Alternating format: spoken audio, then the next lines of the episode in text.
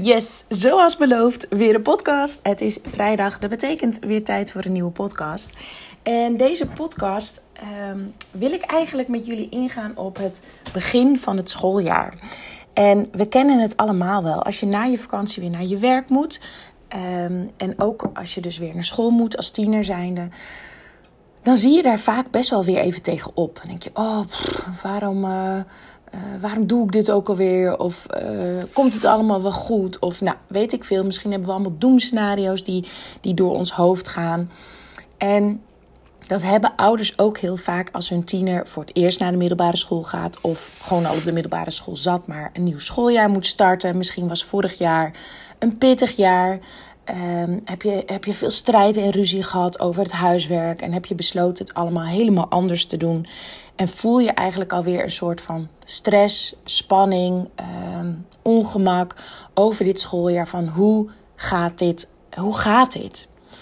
En als iemand weet hoe het is, als je tiener ook moeite heeft met weer naar school gaan, naar de middelbare school toe, of naar de basisschool, kan ook natuurlijk, dan ben ik het wel. Wij hebben echt met, uh, met onze oudste zoon uh, een, een, ja, een struggle gehad, elk jaar opnieuw. Eigenlijk na elke vakantie zelfs opnieuw, maar helemaal na de zomervakantie. Hij had buikpijn, wou niet naar school. Um, werd heel snel en heel veel boos. En, en uh, praatte ook heel boos over school. En vond het belachelijk dat school verplicht was en dat het moest. En ja, het, mijn moederhart brak altijd als hij, uh, ja, als hij zich zo voelde. Het was natuurlijk ja, angst en onmacht en verdriet en onzekerheid. Van alles zat erachter. En je kan dat niet van je kind wegnemen. Dat is het proces van je kind.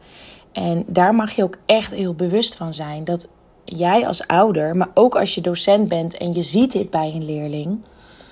Jij hoeft dat probleem van de tiener niet op te lossen. Sterker nog, jij kan het probleem van de tiener niet oplossen. Het enige wat jij kan doen is begeleiden. Meekijken, meedenken, vragen stellen, zodat de tiener aan het denken wordt gezet. En je kan natuurlijk enigszins erkenning geven. Hè, van ik begrijp dat je dat zo uh, voelt en het lijkt me heel, heel rot als je je zo voelt. Ga er alleen niet al te veel in mee. Tuurlijk is het belangrijk dat je kind het gevoel heeft dat je, dat je het hoort, ziet en serieus neemt. Hè? Dus bagatelliseer het niet. En, dat verschil is flinterdun.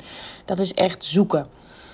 Maar als je te veel meegaat in emotie, uh, dan help je je kind eigenlijk of je leerling liefdevol naar de grond toe. En dat wil je niet. Uiteindelijk is het, is het um, de bedoeling natuurlijk dat wij de tieners vertrouwen geven. Vertrouwen in zichzelf. Dat is het allerbelangrijkste. En ook een stuk vertrouwen in het leven. En het, het, um, tieners die zien vaak heel veel doemscenario's in hun hoofd. En er verandert al iets als je ze die doemscenario's hardop laat vertellen. Wat is het ergste wat kan gebeuren? Oké, stel dat dat gebeurt. Wat zou jij dan kunnen doen? Dus continu weer vragen stellen om de zelfredzaamheid te stimuleren. En het was wel grappig. Ik was deze week op, uh, op een aantal scholen voor, voor opdrachten die ik daar had. En er waren heel veel nieuwe eerste klassetjes. En dan denk ik ook, oh, wat zijn ze toch klein als je ze zo ziet. En dat, dat is ook weer een stuk loslaten voor de ouders natuurlijk. Als je, als je kind ja, voor het eerst naar de middelbare school gaat, dat is spannend. En dat is ook voor de tieners spannend, want het is een nieuw gebouw, nieuwe docenten. Misschien kennen ze nog helemaal geen klasgenoten. Um, vaak moeten ze fietsen naar een andere dorp of naar een stad zelfs. En hè, dat is allemaal best wel spannend. Ik heb dat vroeger ook moeten doen. En als ik er nu aan terugdenk, denk ik, ja, dat, dat, ik heb dat zelf nooit zo ervaren dat mijn ouders dat ook een dingetje vonden. Maar ik woonde in een heel klein dorpje in Westeremde. En dan moest ik met de fiets nou wat zal het zijn, vier kilometer of zo, drie, vier kilometer, moest ik naar het andere dorp, uh, naar Stedem. En daar stapte ik dan op de trein. Nou, die trein, dat was een half uurtje. En dan in de stad Groningen uh, ging ik dan met de bus. Die ging naar het centrum van Groningen. En daar moest ik dan nog lopen, vijf of tien minuutjes of zo. naar, ehm, naar de school toe. Best wel een hele reis als je net 12 jaar bent. Ehm, maar ik deed het wel. En er waren heel veel kinderen uit het dorp en uit de omgelegen dorpen die, die dat deden. Dus je was ook niet alleen.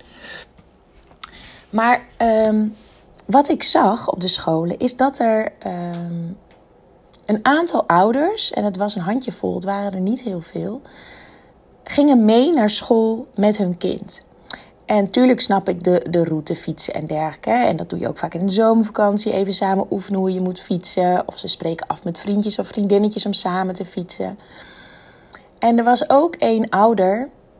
Um, die ging mee naar binnen. En die ging voor zijn tiener uh, bij de balie vragen in welke klas die zit. Um, welk lokaal die moet zijn. En waar dat lokaal is dan ben je eigenlijk het probleem van je tiener aan het oplossen. En ik heb geen oordeel over deze ouder, hè, want ik snap het ontzettend goed. Je wil je kind helpen. Maar uiteindelijk moet je kind zich ook redden zonder jou. En hoe mooi is het dat je dus mag gaan los vasthouden. En los vasthouden is eigenlijk je kind het vertrouwen geven en de ruimte geven om dingen zelf te ontdekken. En als iets niet lukt, om dan uh, beschikbaar te zijn, om mee te denken. Maar laat je tiener het oplossen. En dat kan ook al prima op de basisschool. En toen ik dit vertelde tijdens een presentatie, zei een ouder: Ja, dat is allemaal heel leuk en aardig wat je zegt. Maar ik heb dat laatst ook gedaan met mijn kind. Die had heel erg migraine gehad. En die, die was eigenlijk niet in staat om een toets te maken. Maar die was op dat moment niet meer ziek. Dus ik heb gezegd: Ga maar naar school en en vertel maar dat je de toets nu niet kan maken. En toen moest hij de toets maken, want aanwezig zijn is de toets maken. Zeg ik, ja oké, maar dit is een andere situatie.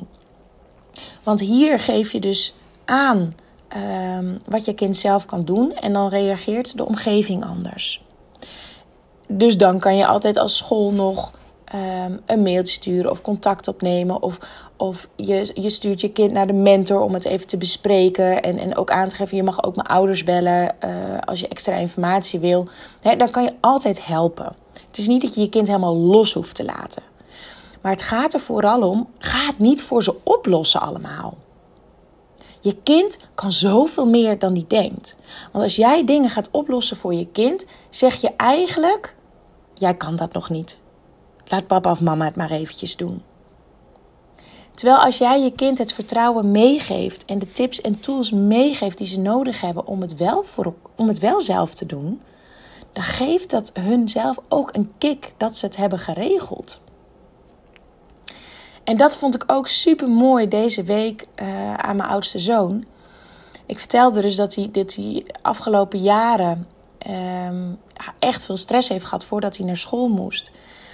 Dus ik was benieuwd hoe dat dit jaar zou gaan. Hij, hij zit nu in de derde klas van de middelbare school. En ik zei, joh, hoe, hoe kijk je tegen deze week aan? Hoe, hoe, ja, hoe, hoe vind je het? Hij zei, oh, boeit me niet zoveel. Ik, ik laat het allemaal een beetje over me heen komen en ik zie het wel.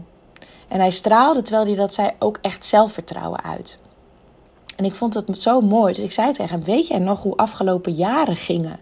Hoeveel stress je had, hoe, hoe lichamelijk ziek je werd van de stress, de spanning, de angst, het verdriet. Ja, man, dat is opgroeien, zei hij. Ja, man, je hebt ook helemaal gelijk. Maar tegelijk voelde ik zo'n enorme trots.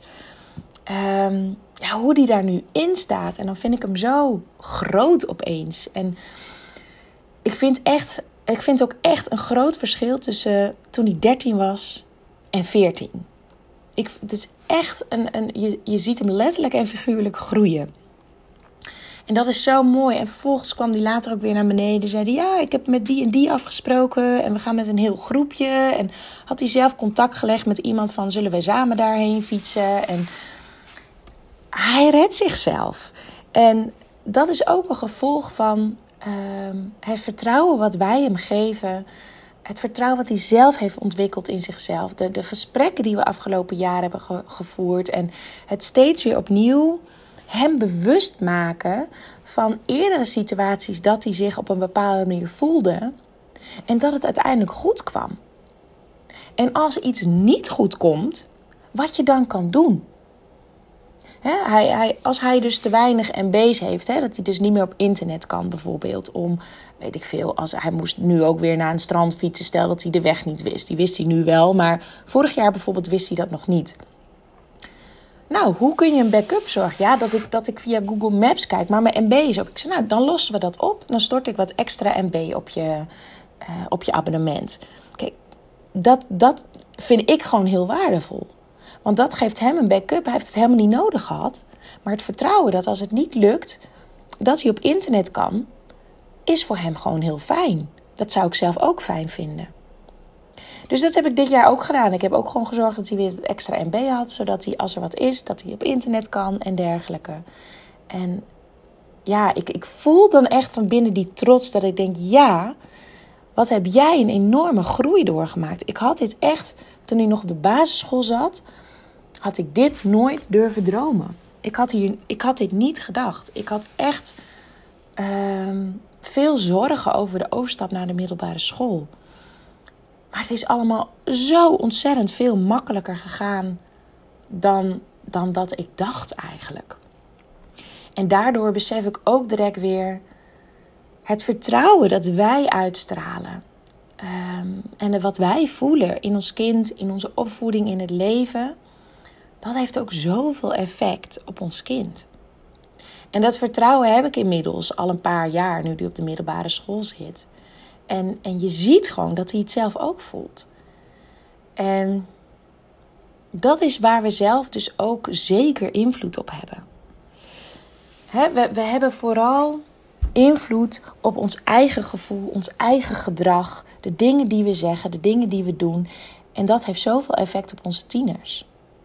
En een hele andere situatie, maar waar ik ook aan moet denken als ik het hierover heb, ik werk op het moment dus met veel uh, middelbare scholen, op middelbare scholen en met middelbare scholen.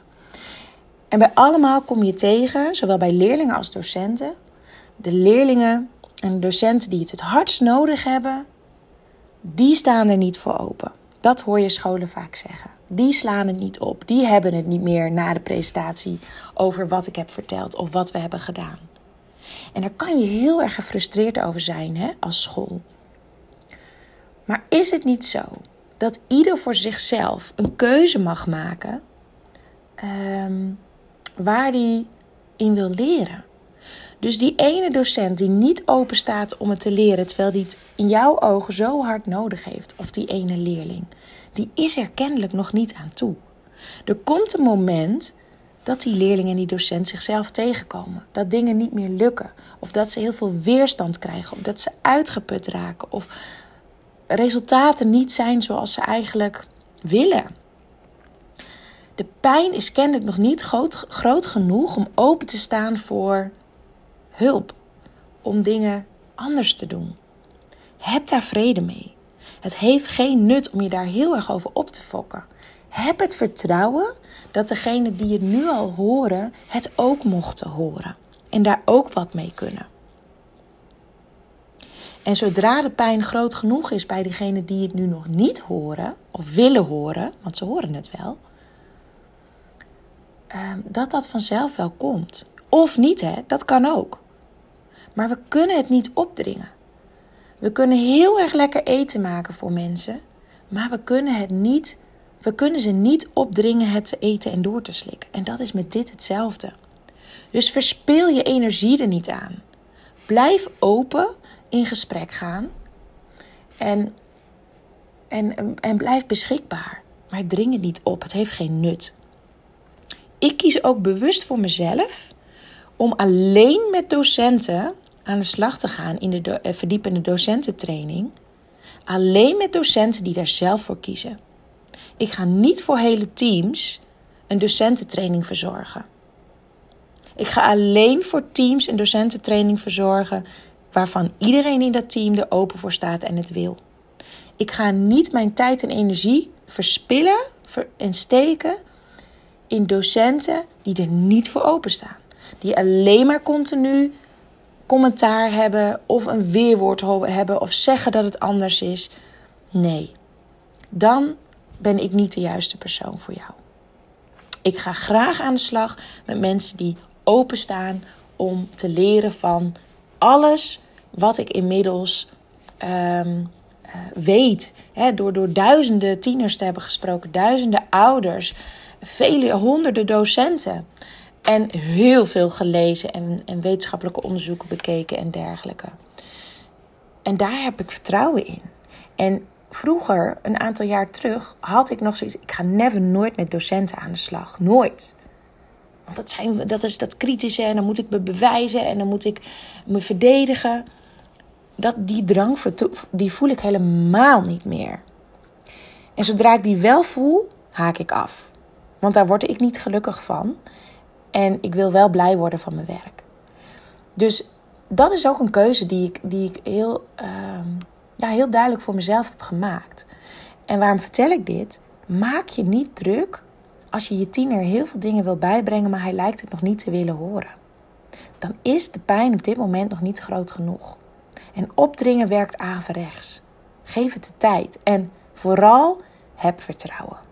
Oké, ik wens jullie een hele fijne dag en alvast een goed weekend. En ik spreek jullie later. Doei doei!